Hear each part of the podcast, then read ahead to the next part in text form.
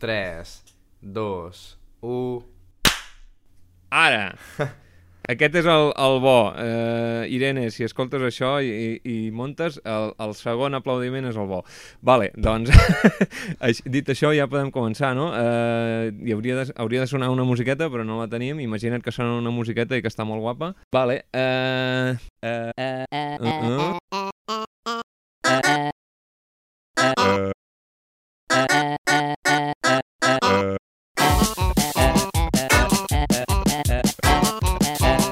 Com, gairebé com la sintonia de Plats Bruts. És molt bona, és de Quimi Portet.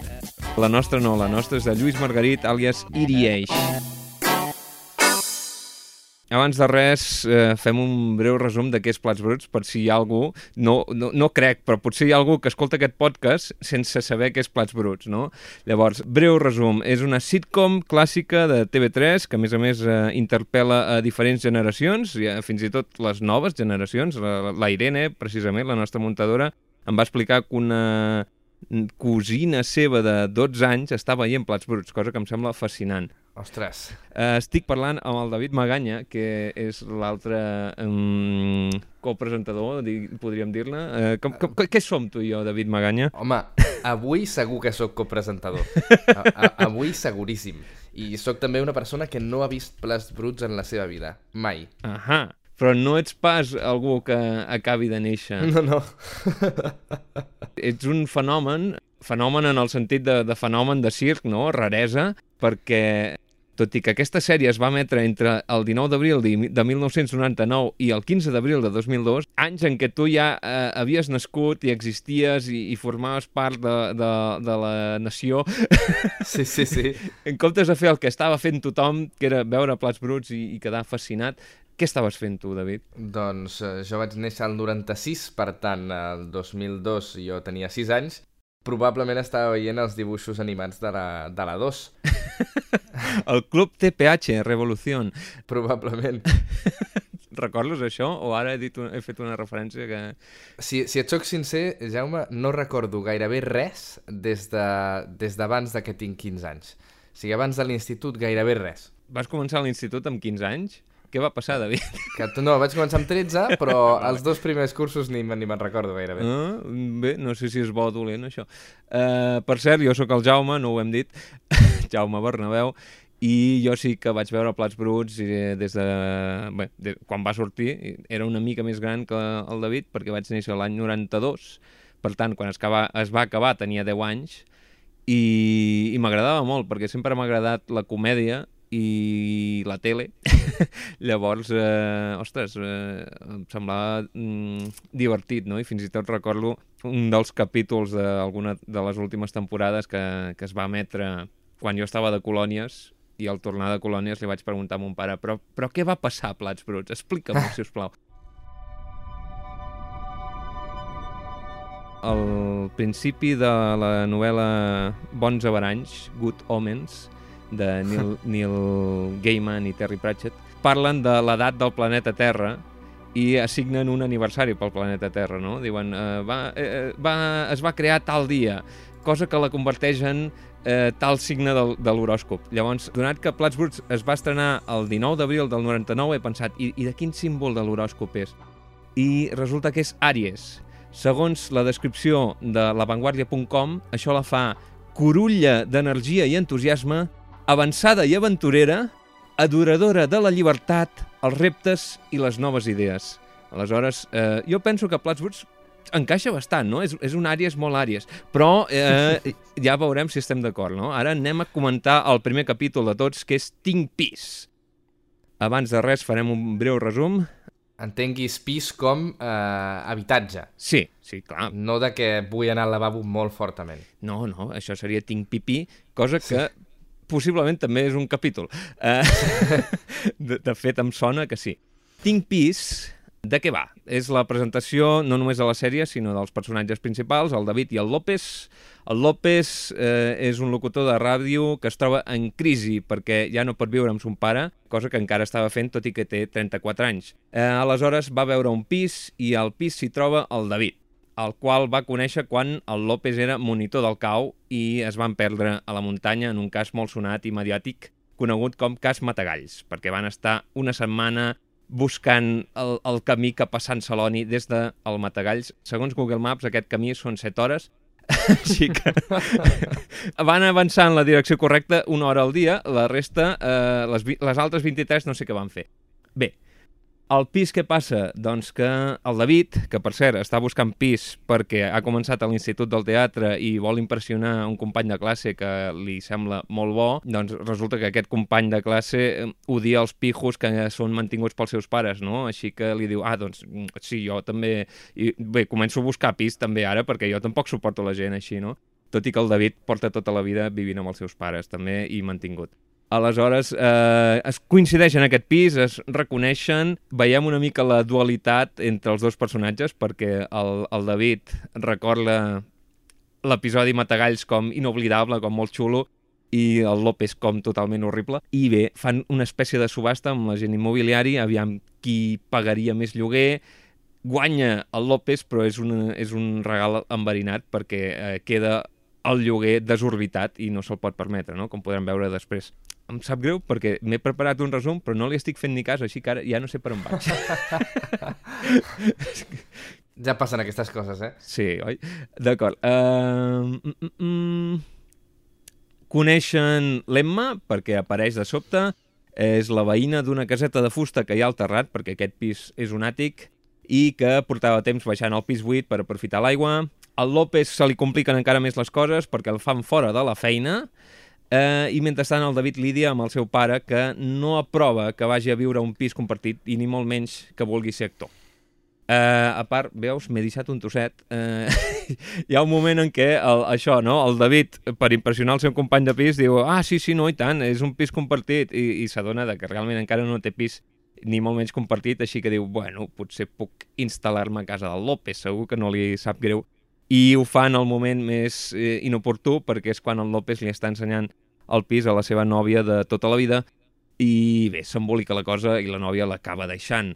Així que el López tot li va malament, mentre que el David el problema més gran que té és que no li ha dit als seus pares que vol fer teatre. De fet, ells creuen que està estudiant econòmiques i dret tota la vegada. El López recupera la seva feina, tot i que ara és amb un contacte basura, per tant, un sou de merda, i el David aconsegueix convèncer els seus pares perquè el deixin estudiar teatre eh, mitjançant una interpretació d'un monòleg de l'auca del senyor Esteve. Després comentarem això perquè té un aspecte molt curiós. I s'acaba el capítol amb el David i el López, doncs, que ja, ja veuen, no? El, el López no està del tot convençut amb això de compartir pis, però veiem que li interessa el tema perquè el David té molts diners i això doncs, pot ser convenient. I per últim, últim, últim, també entra en escena un altre personatge, que és la Carbonell, l'assistenta del David, perquè com a bona persona de casa bona, doncs té la seva pròpia assistenta i se l'emporta als pisos compartits quan, quan se'n va de casa, com fa tothom. Uh mhm. -huh. David, què t'ha semblat el capítol? El teu primer capítol de Plats Bruts i el primer capítol de Plats Bruts de la història? Mm, doncs molt bé, m'ha agradat uh, força I, i quin resum, eh? Ha estat com tornar-lo a veure un altre cop. Uh, sí, que, que realment uh, m'ha agradat, m'ha agradat força i tinc pensaments uh, com a persona que, que l'ha vist per primer cop, uh, coses que m'han xocat de...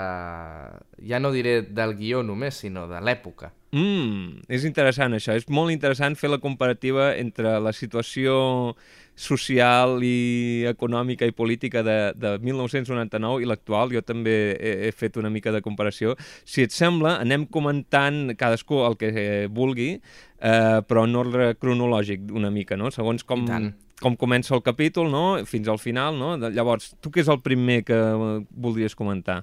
Jo, el, el primer és la... El que m'ha impactat és la situació dels lloguers. Mm -hmm. Llavors, això és el que m'ha impactat més des del principi, perquè, clar, primer de tot és que estava en pessetes, llavors, clar, el meu xoc generacional, jo quan començava a processar coses en diners ja gairebé s'estava fent el canvi en euros, i, i no, no vaig viure aquest canvi. Llavors m'ha cridat l'atenció, anem a fer el canvi i anem a veure quan eren les 60.000 pessetes que li demana al senyor de, del lloguer, al López, i eren uns 360 euros. Sí? Ostres, jo he fet el mateix canvi. Eh, quina és la teva font?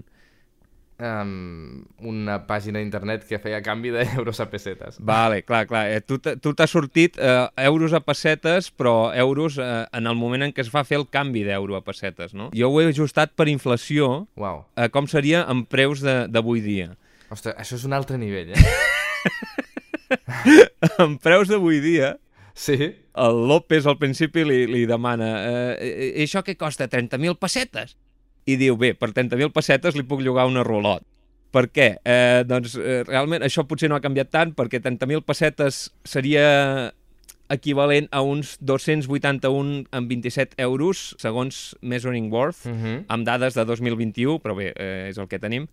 Eh, llavors, el que deies tu, no? el preu que demanen des de l'agència, que són 60.000, són 562 euros, amb 55 Mhm. pessetes, ai, ai, ai, 55 cèntims. Que tot i així segueix sent baix. Segueix sent baratíssim, o sigui, a, a mi em dius, ei, et, et lloguen un pis de dues habitacions a l'Eixample, un àtic, per 562 euros? Dic, ah, sí, on he de firmar? Sí, sí, i, i tan lluminós que sembla Lloret. Sembla Lloret. I al final, el preu desorbitat de 90.000 euros al qual arriben per culpa de la subhasta... Uh -huh. Hòstia, no havia fet mai una subhasta, eh? És guapíssim, diu el David. el preu desorbitat eh, equivaldria a 841 euros amb 42 cèntims, que segueix sent un preu de puta mare avui dia. Per, per un pis sencer, per tu sol, i tant. Collons. Ara les habitacions s'estan llogant a 720-750 euros. De fet, he buscat pisos de, de dues habitacions a l'Eixample Uh -huh. i el més barat valia 1.200. Eh, I n'hi ha per Ostres. 1.400, 1.900, que ja és el doble del preu desorbitat de l'any 99. És una bestiesa. Que clar, clar, entenem que els salaris llavors no eren el que són ara, però tot i així eh, és com impactant veure no? el, el que llavors semblava extremadament car o desorbitat i ara és, és el normal, és el pa de cada dia. Sí, sí, és terrible. Parlant d'això, que també apareix al principi, hi ha com una comparativa, no? El, el López parla de que, ostres, mon pare se n'ha anat a Porrera, cosa que recorda-la, David, perquè això torna en un altre capítol, et faig una mica d'anticipació. Ahà, I el López eh, no ni es qüestiona el fet de no haver-se independitzat als 34, eh, 34 anys, mentre que a l'Institut del Teatre el David i el seu company de classe comenten que, bueno, sobretot el seu company, que, que li fa molta mania a la gent que, que aquests segons que són els típics que fins als 25 viuen amb sons pares, no? He buscat dades també sobre això. L'edat mitja d'emancipació a Espanya avui dia és de 29,8 anys. sí, sí, és que això també m'ha m'ha impactat. Era una de les altres coses que volia comentar, perquè realment se'n riuen de, de que el López amb 34 anys eh, segueix a casa els pares o segueix a casa el pare i, i avui dia això no és tan estrany. No, jo, jo vaig pel camí del López, eh, per, per desgràcia. Vaig, vaig estar fora de casa un temps, però vaig tornar una temporadeta i entre la pandèmia i tot, aquesta temporadeta s'està allargant. Eh, Clar, clar, clar. I tu en tens 30 ara, no? sí, 30... sí, sí, acabats de fer. Acabats avui? No! al novembre, estem al març. ah, va, eh, home, home. A, a mi hi ha, hi ha hagut una cosa que m'ha cridat l'atenció. Uh, no sé si era d'aquesta escena o més endavant, però sí que a nivell interpretacions mhm. he vist alguna escena del pare del David i alguna escena del mateix López Mhm. que hi havia algun arrossegament a les frases, alguna coseta que, que feia que no, no acabés de quedar ben pronunciada la frase Mhm. i que tot i així no es va repetir o que es va quedar en el muntatge final. Cosa que ens dona una idea o de lo de pressa que feien la sèrie o del poc pressupost que tenien per no poder repetir tant. Ostres, jo, veus, això no, no, no, no m'ha semblat. Hem de dir que el David, bé, jo també una mica, no? Però el, el David té background d'actor, no? Eh, Sí? Com et va el tema actor avui dia? Perquè tampoc no ens hem posat al dia abans de posar-nos a gravar el podcast i no sé com estàs amb això. Doncs eh, pràcticament igual que el David al començament de Plats Bruts. Podríem dir que tenim vides paral·leles. L'únic que jo no he anat a l'Institut del Teatre. Però, però per allà estaria, eh? Mm, ja, ja, ja, ja, però a tons pares eh, els hi sembla bé? Als meus pares els hi sembla bé dintre d'una preocupació. O sigui, dintre del... Volem que siguis feliç, fill meu, però també volem que mengis. Llavors, el... que segueixis viu és important per nosaltres i no podem seguir-te mantenint molt de temps, però... Mm... Ens preocupem per tu, David. Qui- quina mania que tenen els pares de preocupar-se i de, i de que voler que, que, no sé, que tinguem menjar i un sostre. Deixa'ns, deixa'm estar, ja, ja faré el que pugui. No ens va obligar a estar en aquest món, doncs... Eh... Exacte, jo, jo, jo estava molt tranquil no existint.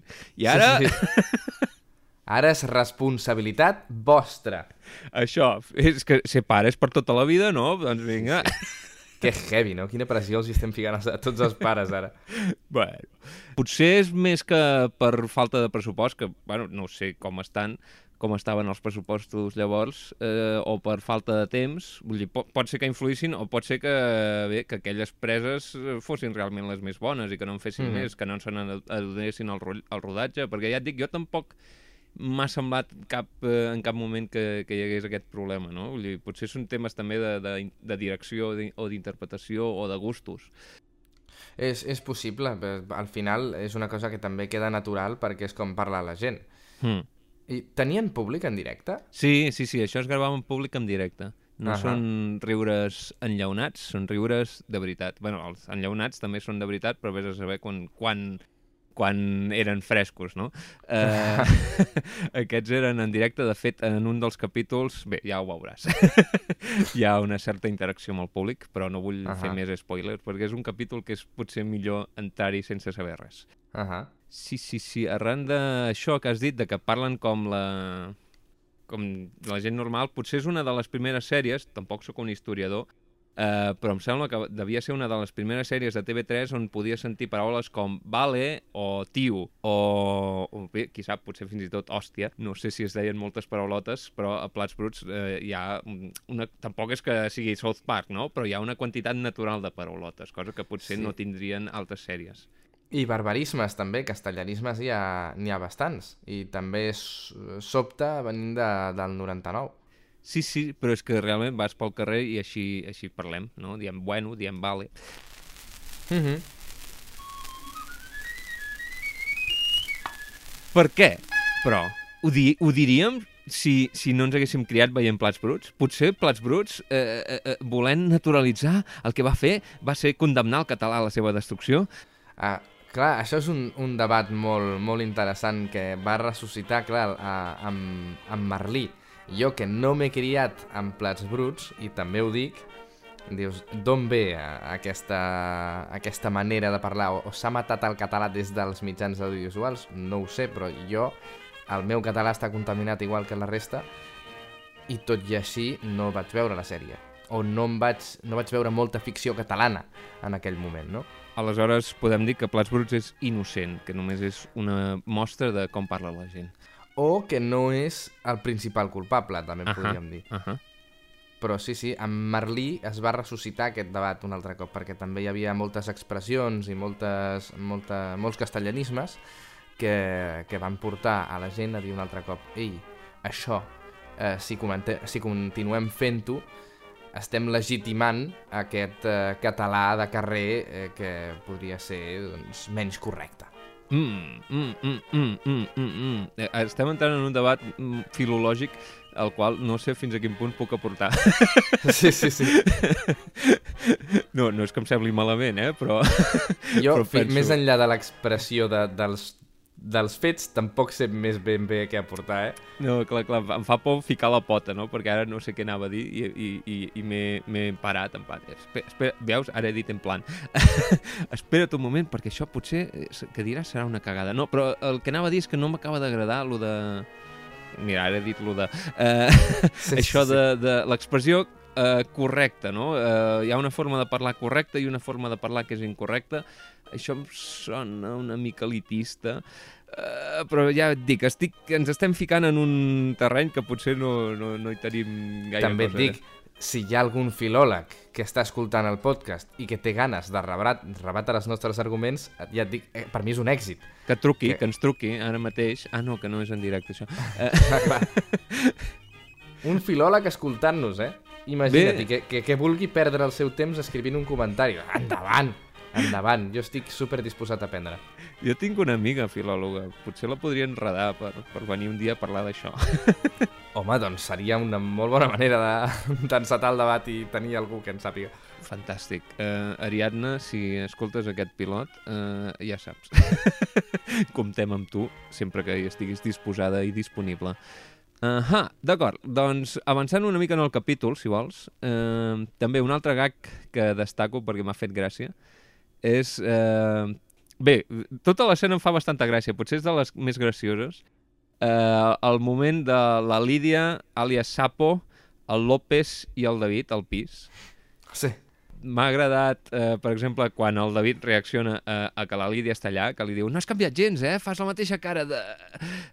No, vull dir que estàs millor que... I al final acaba dient, jo què Sí, sé! sí, és igual, és igual.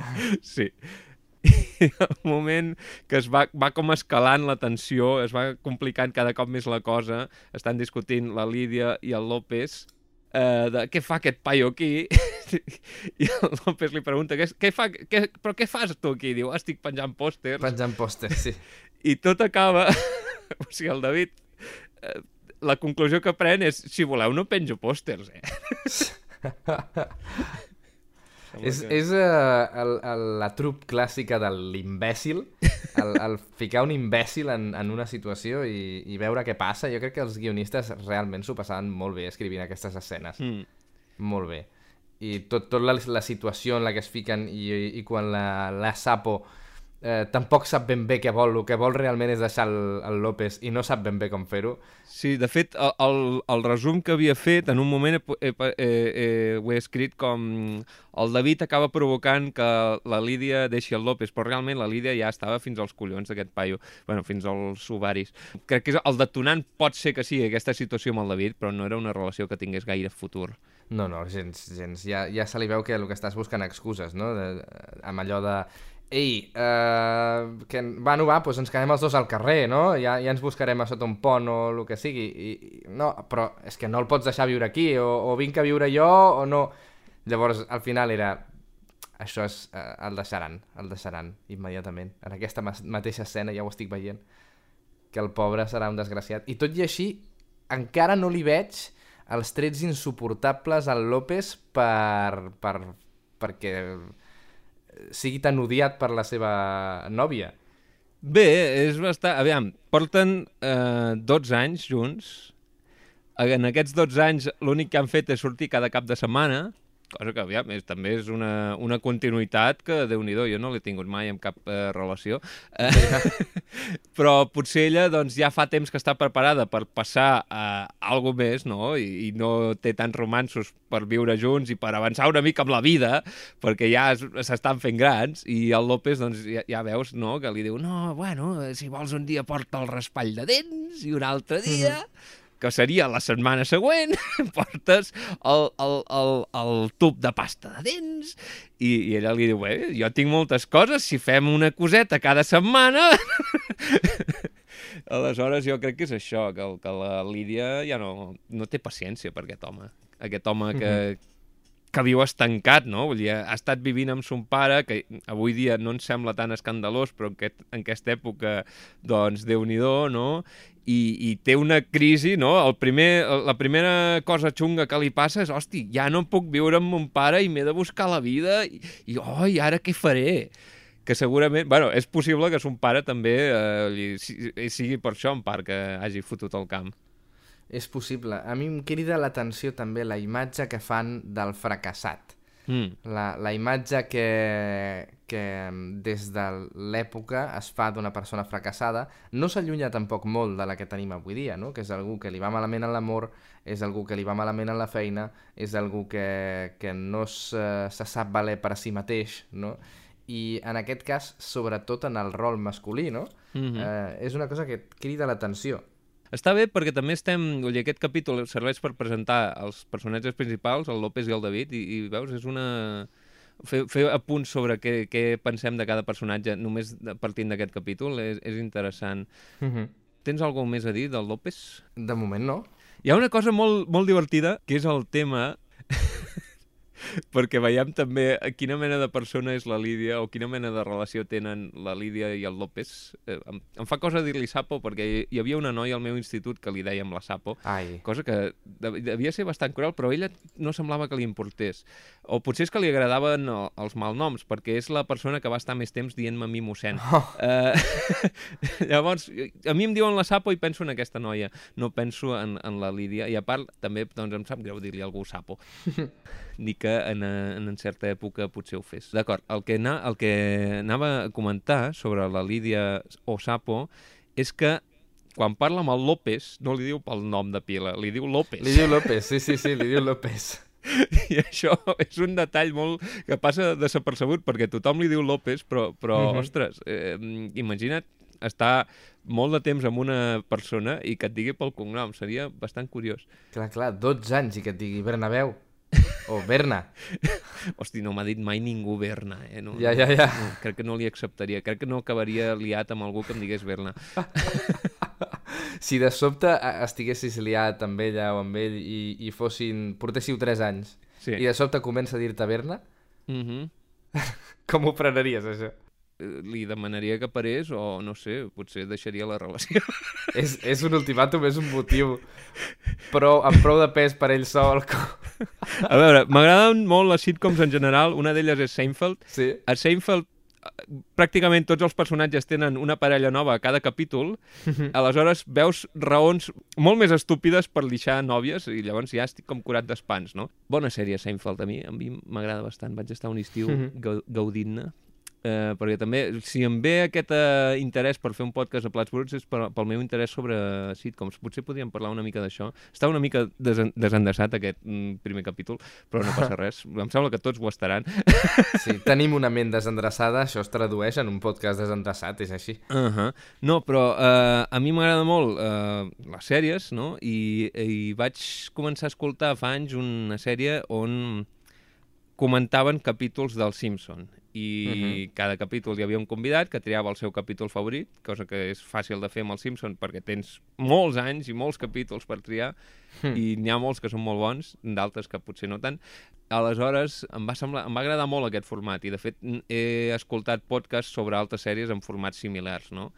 I des de que em vaig aficionar a això, vaig pensar, "S'hauri- hauria de fer algú un, uh, un podcast sobre els Simpson catalans, és a dir, plats bruts Sí, sí, sí. perquè és la sèrie que s'ha reposat més vegades i tot i les reposicions la gent la veia una vegada i una altra i, i era líder d'audiència i, i, i va ser un fenomen. A més, igual que el Simpson és intergeneraci intergeneracional, com hem comentat al principi, no? Llavors, sempre he Podríem- pensat... Digues. Podríem dir que, que la versió espanyola de Plats Bruts i del Simpson és la que se avecina i aquí no hi quien viva. Sí, jo hagués dit abans Aquí no hi quien viva, potser perquè m'agrada més, eh, però sí, sí, realment, eh, també ho he pensat. que passa que fer un podcast d'una sèrie amb capítols d'una hora i quart Ui, sí, sí, sí. eh, ho veig ja més complicat. Plats Bruts és més breu. és ideal. I, i dir, és més breu en tots els sentits. No hi ha tants capítols, no hi ha una segona sèrie que no és una continuació, però sí que ho és, però no ho és. Eh, I a part, és catalana, i collons, també està bé fer una cosa tant, i catalana tant. Per, per, per, per la gent catalanoparlant, no?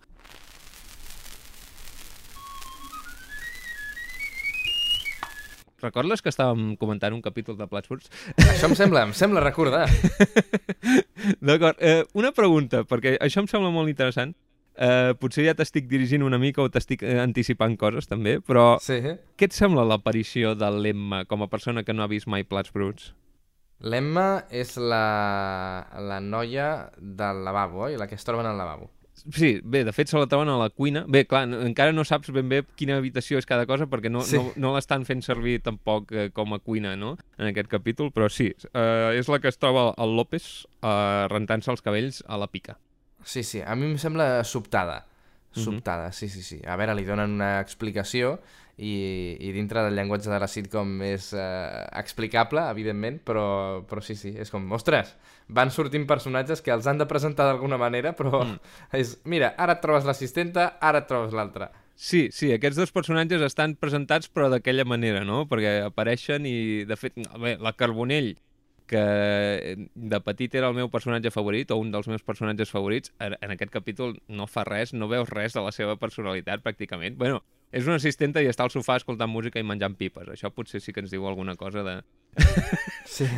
de com és i quina mena de relació té amb el David, no? Però, però eh, bé, no es veu ben bé tot el potencial que té el personatge. I de l'Emma, eh, clar, és que... Bé, ja, ja he començat a dir-ho, t'ho diré. Coneixes un fenomen que es diu flanderització? Flanderització? Sí. No, no. Digue, entenc que ve del Flanders dels Simpsons. Sí, senyor. El Flanders del- dels Simpsons comença com eh, la persona amb qui comparem el Homer, no? Perquè és el veí del costat.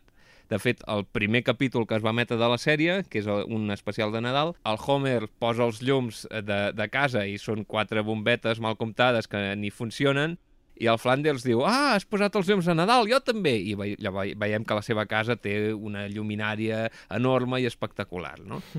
el Flanders al principi era això, no? Era com, en, en oposició al Homer, que és un desastre, tenim un home perfecte, un paio que tot li va bé. I mica en mica, per algun motiu, bé, clar, potser per, precisament per això, no? En oposició al Homer, que de fet hi ha un capítol en què tot va de que el Homer decideix no anar més a missa, doncs eh, li donen com una personalitat molt de santet, no? És, és molt cristià i va molt a missa, no? I, i a, a mesura que a, a, a, avança la sèrie, el Flanders es converteix només en això, no? Exageren molt més aquesta faceta seva, no? I es converteix en un, en un devot que és tan pesat amb, el, amb la seva fe que fins i tot el mossèn eh, eh, està fart d'ell, no? Uh -huh. D'aquí ve que el nom d'aquest fenomen que passa sobretot en sitcoms eh, i en moltes sèries en realitat s'anomeni flanderització, no? Quan un personatge comença sent d'una mane- manera però es va exagerant cada cop més i cada cop més. El lemma passa una mica això, hi ha una certa flanderització i quan tens records de, de la sèrie completa i veus el primer capítol dius, ostres, està molt, molt normal. Sí, molt canviada, no? No, no és el, el que recordaves de, del personatge. El, el primer capítol, eh, bé, no, no, no la reconeixes gairebé com, a, com el personatge que arriba a ser. Uh -huh. ja, ja t'ho aniràs trobant. Però també comentant, no, comparant amb altres sitcoms, eh, potser és un tema de, molt típic dels 90, el fet de que hi hagi un veí que es passa el dia a casa eh, i, i que sigui una mica excèntric, no? Perquè, de fet, un dels grans eh, personatges, que no és que a mi m'agradi gaire, però és un, tota una icona, eh, Steve Urkel, era, era, era això. Steve Urkel de la sèrie Coses de casa eh, uh Mhm. -huh. era, va acabar sent gairebé el protagonista de la sèrie, però en origen era un veí molt excèntric que es passava el dia a casa d'aquella gent. Uh -huh. I l'Emma potser podríem entrar-la en aquesta categoria, tot i que aquest primer capítol no es vegi gaire. D'acord, parlant d'aquesta escena, que per això potser ho explicava, també hi ha una frase que em fa gràcia, que és eh, quan està comentant l'Emma la seva situació, no, visc aquí en una caseta de fusta i baixo per una escala de fusta, i el David diu, Quanta fusta. Sí, sí. és una frase molt tonta però em fa molta gràcia i crec que és molt plats bruts. Aquest tipus de diàleg és com una marca de la casa. Sí. És com no saber què dir, però, però, però vols parlar, no? Potser és algo molt del David. Per cert, no, no hem parlat del David encara. Què et sembla el David? Com el definiries? Ah, doncs mira, eh, jo potser anava amb un prejudici eh, respecte al personatge, Mm -hmm. perquè, i això potser és agosarat dir-ho públicament, Mm -hmm. però no sento una forta simpatia cap a en Joel Joan mm. com a persona. No el conec, eh? No el conec. T'imagines que el podcast va molt bé Ja, ja, ja. i un dia arriba, Dic, no... Vull aclarar... arriba el Joel Joan, no? O, o fins i tot a, a, a, podem entrevistar el Joel Joan i diu, ah, doncs escoltaré altres Sí, capítols. sí, sí. I el primer diem... No, no, no, però és, és... no el conec Sí. i, i com que no el conec i l'únic que he vist fins ara són els personatges que ha fet ell a pantalla, Mm -hmm. n- és, és això que dius, no, no noto connexió amb, amb aquest actor. Mm -hmm. Però, però, i ara ve el però, uh, fent, fent de David, Mm -hmm. La veritat és que m'ha agradat força. L'he trobat molt graciós. No, no, no recordava que fes molta més... És, és de, de lluny el personatge que fa més gràcia del, del primer capítol Uh -huh. i, i m'ha sorprès també una mica perquè recordava com eh, més equilibrat no? el, el nivell de, de diversió que porta tothom, però el primer capítol potser el- l'estrella és sens dubte el David. Sí, sí, sí. I realment m'ha agradat molt, o sigui que és possible que a través de veure Plats Bruts li acabi agafant simpatia al Joel Joan uh -huh. en, en altres registres, diguem-ne. Curiós. No tens cap actor que diguis aquest actor no m'acaba de, de fer el pes només pels personatges que, que l'has vist fer? Dius, aquest no em cauria, no em cauria bé. Mm, a vegades em passa, sí, no, no ho sé. No sé si és tant pels personatges o per... Li, li tinc una mica de mania al Jason Segel, Segel, no sé com es pronuncia, Uh -huh. però és, és per motius molt... apareix... e- Ell és com el responsable de que es fes de nou una pel·lícula dels telenyecos, no? O va ser l'impulsor, no? I a mi els telenyecos m'agraden molt, però crec que les pel·lícules del tele, dels telenyecos milloren quan els protagonistes són els telenyecos. I a la seva apareix molt ell, i això em fa ràbia. Penso, tio, no t'agraden tant els telenyecos? Surt d'aquí! Deixa els telenyecos fer el que saben fer. doncs potser, potser podríem dir que em passava alguna cosa així, perquè jo sí que havia vist alguns trossos del crack, Mm -hmm. havia vist alguns trossos de, de la pel·lícula El nom, Mm -hmm. i, bueno, eh, El crack tinc entès que fa d'ell mateix, però és molt gilipolles. Exacte, sí, sí, sí. Com que sempre fa com de molt capullo, Uh -huh. i ho fa bé, o sigui, la, la cosa és que ho interpreta bé, llavors eh, penses, segur que és un capullo. Ah, segur que és un capullo, però potser no, qui sap, a la vida.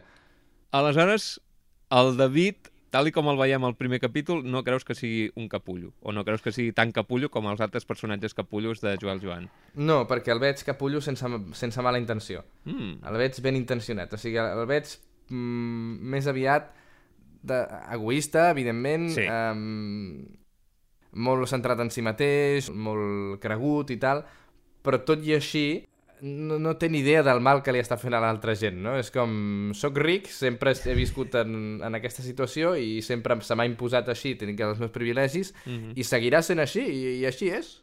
Eh, Visc a casa teva ara. Per mi hi ha un moment bastant revelador una mica d'aquest rerefons del, del David, tot i que tal i com està plantejada l'escena, sembla que ens hague- haguem d'estar d'acord amb ell, no? Que és quan els pares, els seus pares van al pis i, i el López, que no sap res de la pel·lícula, els diu, però que no fa teatre. Llavors se'n duen un disgust, un disgust molt gran i, i, i se'n van enfurismats i no sé què, no? I el David surt de l'habitació i diu, gràcies, gràcies López, perquè eh, m'has fet una putada molt grossa, no? I és com, tio, però si el López no sabia res. Sí, sí, sí, sí. però tal- i com està muntada l'escena, sembla que haguem d'estar com de parla el David. Hòstia, López, ja te vale. Ja te vale. Però no, però tu eh, ja es veu, eh? Ja es veu que no, que no és culpa del López.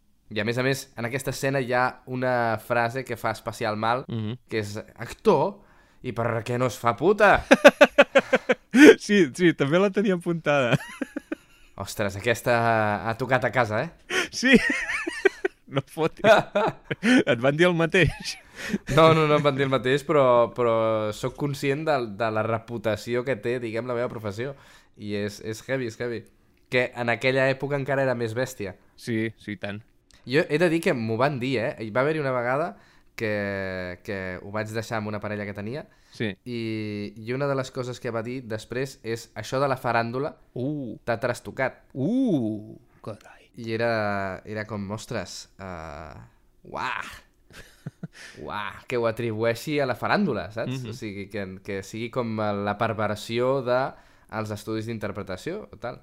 Déu-n'hi-do. Què t'anava a dir? Has vist Bojos per Molière? No? Vaig fer el càsting per Bojos per Molière. Què dius ara? Doncs, Sí. doncs jo l'estic veient perquè la Irene hi treballa, hola Irene, i, i em va dir, ei, comença avui la sèrie aquesta on faig de muntadora, mm, te la miraràs? I jo, ah, bueno, vale. I, i ostres, eh, em sorprèn el que m'està agradant, no? Estic molt content, uh. -huh. perquè mm, m'encanta que, que m'agradi, no? No m'ho esperava i, i millor, no? Una grata sorpresa. Simplement, no, mira, per prejudicis, perquè portava molt de temps sense veure sèries de TV3, em feia com mandreta. El cas és que està ambientada a l'Institut del Teatre a l'any 98. Uh. Per tant, si hi ha una segona temporada, Podríem trobar-nos David, sí, sí, sí. podem fer el crossover del segle. Ara me n'acabo de donar i per això tot aquest, eh, aquest parèntesi. Ostres, hi ha una oportunitat aquí, eh, TV3. Fantàstic. Uh, doncs, Bojos per Molière volia, volia tancar el parèntesi, però, eh, però no, no ho estic fent bé. Una cosa que m'agrada molt de, de la sèrie és que el marc narratiu que té, no? Perquè no estàs... O sigui, representa que estàs veient una funció teatral. Aleshores, vull dir, és una sèrie normal, però de tant en tant veus el que passa entre bambolines uh Mhm. -huh. i fan una mica de gags meta amb això, no? En plan, veus que un personatge diu, ai, aquesta frase sempre m'equivoco amb aquesta frase, no? I llavors, quan veus el capítol, eh, la frase veus que fa una petita pausa per, per, per assegurar-se de dir-la bé, no? Ostres, està molt bé això, eh? Sí, sí, ho trobo molt divertit, però clar, això també pot ser eh, limitador, per exemple, si ha d'aparèixer el David per allà darrere. Cosa que no crec que facin. Però si, si ens escolta algú, a part de la Irene, que treballi a, a Boges per Molière, eh, jo tinc aquesta proposta i el, el, el David Maganya eh, va fer un càsting eh, segurament superbo, per tant el podeu re recuperar per la següent temporada i pot fer eh, alguna relacionat amb això. Sí, sí, sí. És una idea que donem gratis, l'única condició és ficar-me a la sèrie. A canvi de fitxar el David, eh, i- jo us venga aquesta idea. Vale. Eh, tornant a Tinc Pis. Tornant a, al, al motiu del podcast, sí. Hi ha un moment del Ramon, que és el, el que treballa a la ràdio amb el López, el tècnic, li, li, li precinta totes les coses d'aquella manera, perquè això també ens, ens revela una mica com és el Ramon, sí. i li dona una cinta i li explica hi ha unes paraules de tota la gent de la ràdio, però els únics que esmenta són el guarda de seguretat, la portera, ell mateix i la dona de fer feines. Cosa que eh, vull pensar que és perquè el López tampoc és que sigui gaire popular a la seva feina, no? sí. I una cosa que em fa gràcia és que eh, la portera diu rodolins, dos rodolins de la portera. I, I em pregunto si són rodolins que ha composat ella en honor al López o són rodolins que se sap de memòria.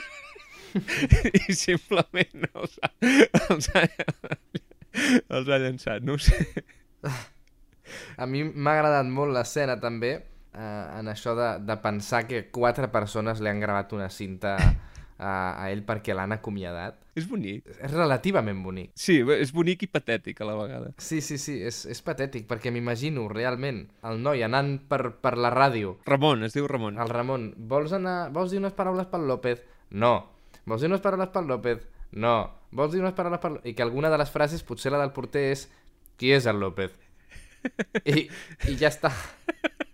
Ostres, seria molt divertit que haguessin arribat a aquest punt, no? I que, clar, en aquella època potser internet estava molt... Tot i que jo vaig arribar a entrar a una web de plats bruts on hi havia com jocs i coses, i ni lo tempore, però que, hagués, que estés disponible, no?, a Spotify. És una sèrie transmèdia, no? Seria una sèrie Exacte, transmèdia. la cinta del Ramon. I escoltar això, no?, la portera dient dos rodolins. Ara es podria fer, realment, això. Això és el que ara es podria fer. Avui dia seria fantàstic. Jo, si fes una sèrie, eh, estaria tota l'estona pensant en això i, i m'oblidaria de la sèrie i em dirien, però Jaume, que hem de fer una sèrie. Sí, sí, sí. Et farien cap del gestor transmèdia de la sèrie. I ja no tindries cap poder sobre què passa. Oh, eh, mentre cobri. Eh, el Ramon, per cert, li demana al López que si, si torna a la ràdio que li torni la cinta perquè li ha costat 250 peles. Això en, en euros de 2021, que, perquè són les dades que tenim, recordem, eh, serien 2 euros i 34 cèntims. per tant, segueix sent un bon gag, no? Fins i tot si passéssim la sèrie avui dia de hòstia, Sí. torna'm això, que m'ha costat. Bé, i em fa gràcia també que pensi que pot tornar-la o regravar-la. A, a les cintes de caseta es podien regravar. Buah, veus? Aquí descobreixo coses noves. Ja. Fa, fa molt, eh? Mira que no ens portem tants anys, però deu ser que fan molt, perquè jo sí que recordo aquestes tecnologies dels anys 90. pues sí, sí, no, no en tenia ni idea. Jo sabia lo de rebobinar-les amb un boli Vic, però que es poguessin regravar, i fins, fins quantes vegades es podien regravar? In- Indefinidament? No ho sé, de, hauríem d'experimentar amb una cinta de caset, però que jo sàpiga es podien regravar igual que les cintes de vídeo, Uh -huh. de VHSV, V baixa. no, no hi ha un moment en què es, es, es cremen ja? Eh, por el Sí, roce, crec ja... que arriba un punt que ja de tant passar-les per la màquina allò no, no, no dona més així, no? Però en principi, doncs, dos o tres vegades o les que puguis eh, es podien reaprofitar. I sents psicofonies, sents uh, sons d'altres plans. D'acord, arribem ja gairebé al, al final del capítol, l'escena més mítica, de fet l'escena que té més comentaris al respecte a YouTube, Uh -huh. que és el moment del monòleg de l'auca del senyor Esteve. Què t'ha semblat això? Veus, aquest, si vols, m'avanço, Sí. ha estat el meu moment preferit del capítol. Ahà, d'acord. El David diu que s'avança perquè eh, eh, li he proposat abans fer una secció de moments favorits del capítol. D'acord, doncs explica'ns tu aquest moment, el comentem i jo explico el meu. Doncs és quan eh, arriben els pares del David a la classe de l'Institut del Teatre, una classe de l'Institut del Teatre que, per cert, no és molt diferent de com són les classes ara a les escoles de teatre, i eh, li estan dient al David, eh, eh, diguem, tècniques per arribar a l'emoció del plor, i quan arriben els seus pares i el veuen allà i li diuen que marxi, fa un monòleg sobre la felicitat i que ell podria abandonar aquests estudis i fer el que diu el seu pare, però que llavors, si el seu pare veu com cada cop és més ric i, i també més trist, doncs que, que seria... Que, que, no, no el, que el planyi. Li diu que el planyi. I m'ha semblat molt xulo, no només el monòleg, que és meravellós, sinó també com l'han colat dintre de la sèrie. Doncs jo volia destacar que no només han colat el monòleg. Realment, si ho compares amb el text original, els diàlegs del pare també Sí, són... abans ja comencen a fer com una escena teatral. Sí, no? A, a, que ja, ja parlen a càmera una mica i, i fan com el, el text més, més uh, anunciat que, que al principi. O sigui, em sembla que és una, un xiste meta, Sí. també un acudit com, com meta, bastant interessant. Parlant de- d'acudits meta, si tornem enrere, si rebobinem, cosa que es feia amb la tecnologia de llavors, eh, hi ha un moment que l'Emma diu jo visc a dalt, i llavors el David mira a dalt, i això en pantalla no té gaire gràcia, però la gent que estava allà davant Sí. devia tenir molta, perquè clar, un set de, de, de sitcom no té sostre, no té res. Uh -huh. Llavors mires a dalt i veus allà uns focus. De fet, hi ha uns, hi ha uns petits riures de, de la gent. Llavors, no, no sé si és que devien fer diferents tomes o que simplement hi ha poca gent, o hi havia poca gent entre els espectadors amb gust per, per l'humor meta. doncs sí, a mi m'ha fet gràcia això, no? que dir, es nota moltíssim el monòleg de, de l'auca del senyor Esteve, però a part, els diàlegs del pare del David també són de l'auca del senyor Esteve. I, de fet, els pares del David, que són el, el Jesús Ferrer i la Vicky Penya, són amb dos actors de teatre que, que havien fet moltes coses. Bé, el, el Jesús va fer de tot, va fer molt de doblatge, i, però també havia fet teatre, no? I és maco que, que per fer de, de, els pares d'un aspirant actor que no volen que el seu fill sigui actor, agafar dos actors, eh, dos grans actors, no? Sí, sí, sí. La Vicky Penya també és, és molt divertida. Fa... De fet, eh, m'he donat... Eh, si t'has adonat, el David té un riure molt, molt particular i la Vicky Penya fa el mateix riure en algun Sí, moment. fan, fan, riuen igual. És com alguna cosa de família. També m'ha cridat l'atenció a la representació de la família conservadora de llavors, no? I de, de que la dona no té cap tipus d'opinió Calla, consol! i, i a més a més és bastant més jove que ell. Sí, sí, és veritat, ben vist. Les, les dues coses, no? Que és també la representació clàssica de llavors de la família conservadora. Bé, avui dia no sé si ha canviat gaire la cosa. Eh? Sí, crec que no, no? Perquè el conservador canvia poc. Clar, Sí, no, sí, sé, sí. no sé per què serà, però perquè Clar, té, clar, té clar. tendència a conservar-se. Per definició... Doncs el meu moment... Mira, això és interessant perquè eh, tu has triat un moment que té, potser és el, el punt més sincer de tot el capítol, no? I el que té, té una part més bonica i commovedora, entre cometes. Jo, com a moment del capítol que m'ha fet més gràcia o que m'agrada més, és quan el López està ja queixant-se de tot i, i, li està explicant al Ramon i el Ramon per consolar-lo o bé, la reacció del Ramon és que n'ets de desgraciat te n'adones? Em fa moltíssima gràcia aquesta frase i aquest moment Sí, sí. i aquest personatge. El Ramon torna a aparèixer i és, és també... Vull dir, abans he dit que la Carbonell era el meu personatge favorit, però va acabar sent el Ramon quan era petit. Ara, amb Mhm. aquesta revisió, que serà potser el primer cop que veig la sèrie sencera de pe a pa, perquè jo la veia doncs, quan la reposaven i quan l'enganxava, no? i també la vaig començar, doncs, eh, que ja estava començada, doncs serà interessant veure si canvia això, no? de quin és el meu personatge favorit, quin, quins capítols m'agraden més, i redescobrir la sèrie.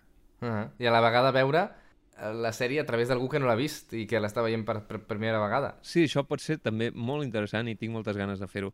D'acord, doncs, eh, ens acomiadem ja, estem a punt d'acabar. Abans de res, però, M'havies dit que tenies quatre preguntetes per mi. sí, potser això ja ho hem parlat una mica, així que pot ser tan breu com vulguis, però com definiries i què et sembla la premissa de la sèrie? La premissa de la sèrie, diríem, dos fracassats vivint junts. Uh -huh. Em sembla que, que és una premissa que és habitual, eh, però que sempre té, sempre té com moltes sortides. Vull dir, al final, una sèrie el que et permet és explorar molt personatges i els acabes diferenciant sempre. O sigui, la, les premisses acaben podent ser universals, però la sèrie pot ser completament diferent. A mi em sembla, em sembla interessant. Uh -huh. I quina mena d'històries esperes, llavors? Home, jo espero que, que siguin històries en les que ells mateixos es posen pals a les rodes sobre la seva pròpia vida. Vull dir, al final... eh, Igual m'agradaria veure uh, una mica de veritat dintre també del, de, del context sitcom i de- d'acabar veient com algun d'ells dos o els dos aprenen coses dintre de- de- d'aquests fracassos. Vull dir, evidentment està guai veure'ls fracassar i una de les coses de les sitcoms és que els personatges són així i aquesta és la gràcia que tenen, però sí que al llarg de les temporades jo espero veure'ls madurar una mica en algun sentit. D'acord. Agafa't fort, llavors. Va més, eh? Intueixo que va, va més. I bé, ja ens has respost una mica aquesta pregunta, però si vols aprofundir, què escriuries tu si haguessis de fer guions per la sèrie partint només d'aquest primer capítol? Ah, doncs sí, això. Això, no? Que, que vagin aprenent, que vagin madurant, no? Que vagin madurant, però clar, això tenint en compte doncs, que potser fem, imagina't, vuit temporades, que no, no les té, però imagina't que féssim vuit temporades, doncs al final un arc de maduració, Mm, però mhm. tampoc diguem massa, massa bèstia. Ja, d'acord. Primer han d'anar pitjor per anar millor després. Ahà. Per últim, quins personatges creus que tindran més protagonisme en futurs capítols? Eh, a part del David i el López, òbviament, dels personatges secundaris que ens han presentat. Sí, home, que, que tindran més protagonisme la Carbonell segur, Sí, perquè només en pot tenir més, no? Vull dir, menys no en pot tenir.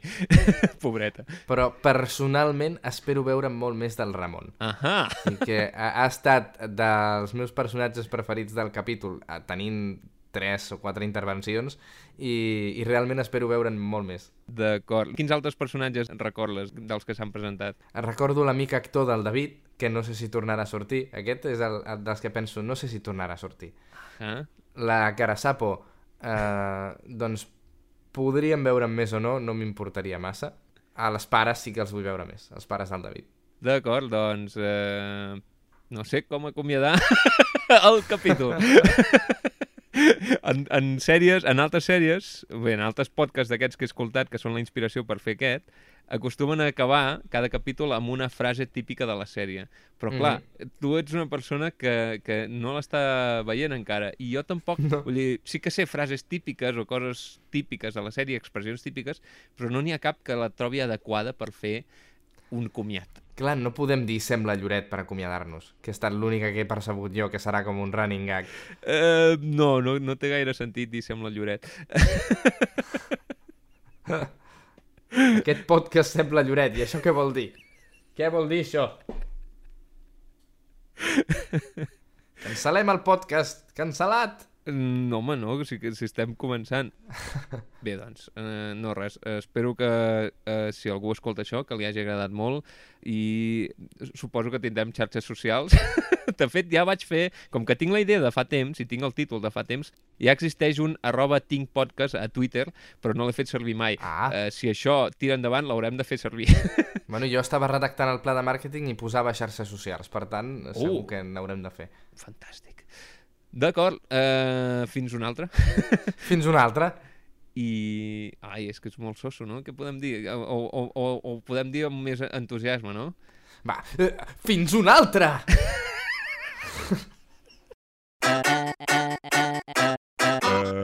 Aquest capítol de Tinc Podcast ha estat presentat per Jaume Bernabeu I David Maganya, amb música original d'Irieix. I muntatge d'Irene Albanell. Podeu seguir arroba tinc barra baixa podcast. Soc el Jaume del futur i estic refredat.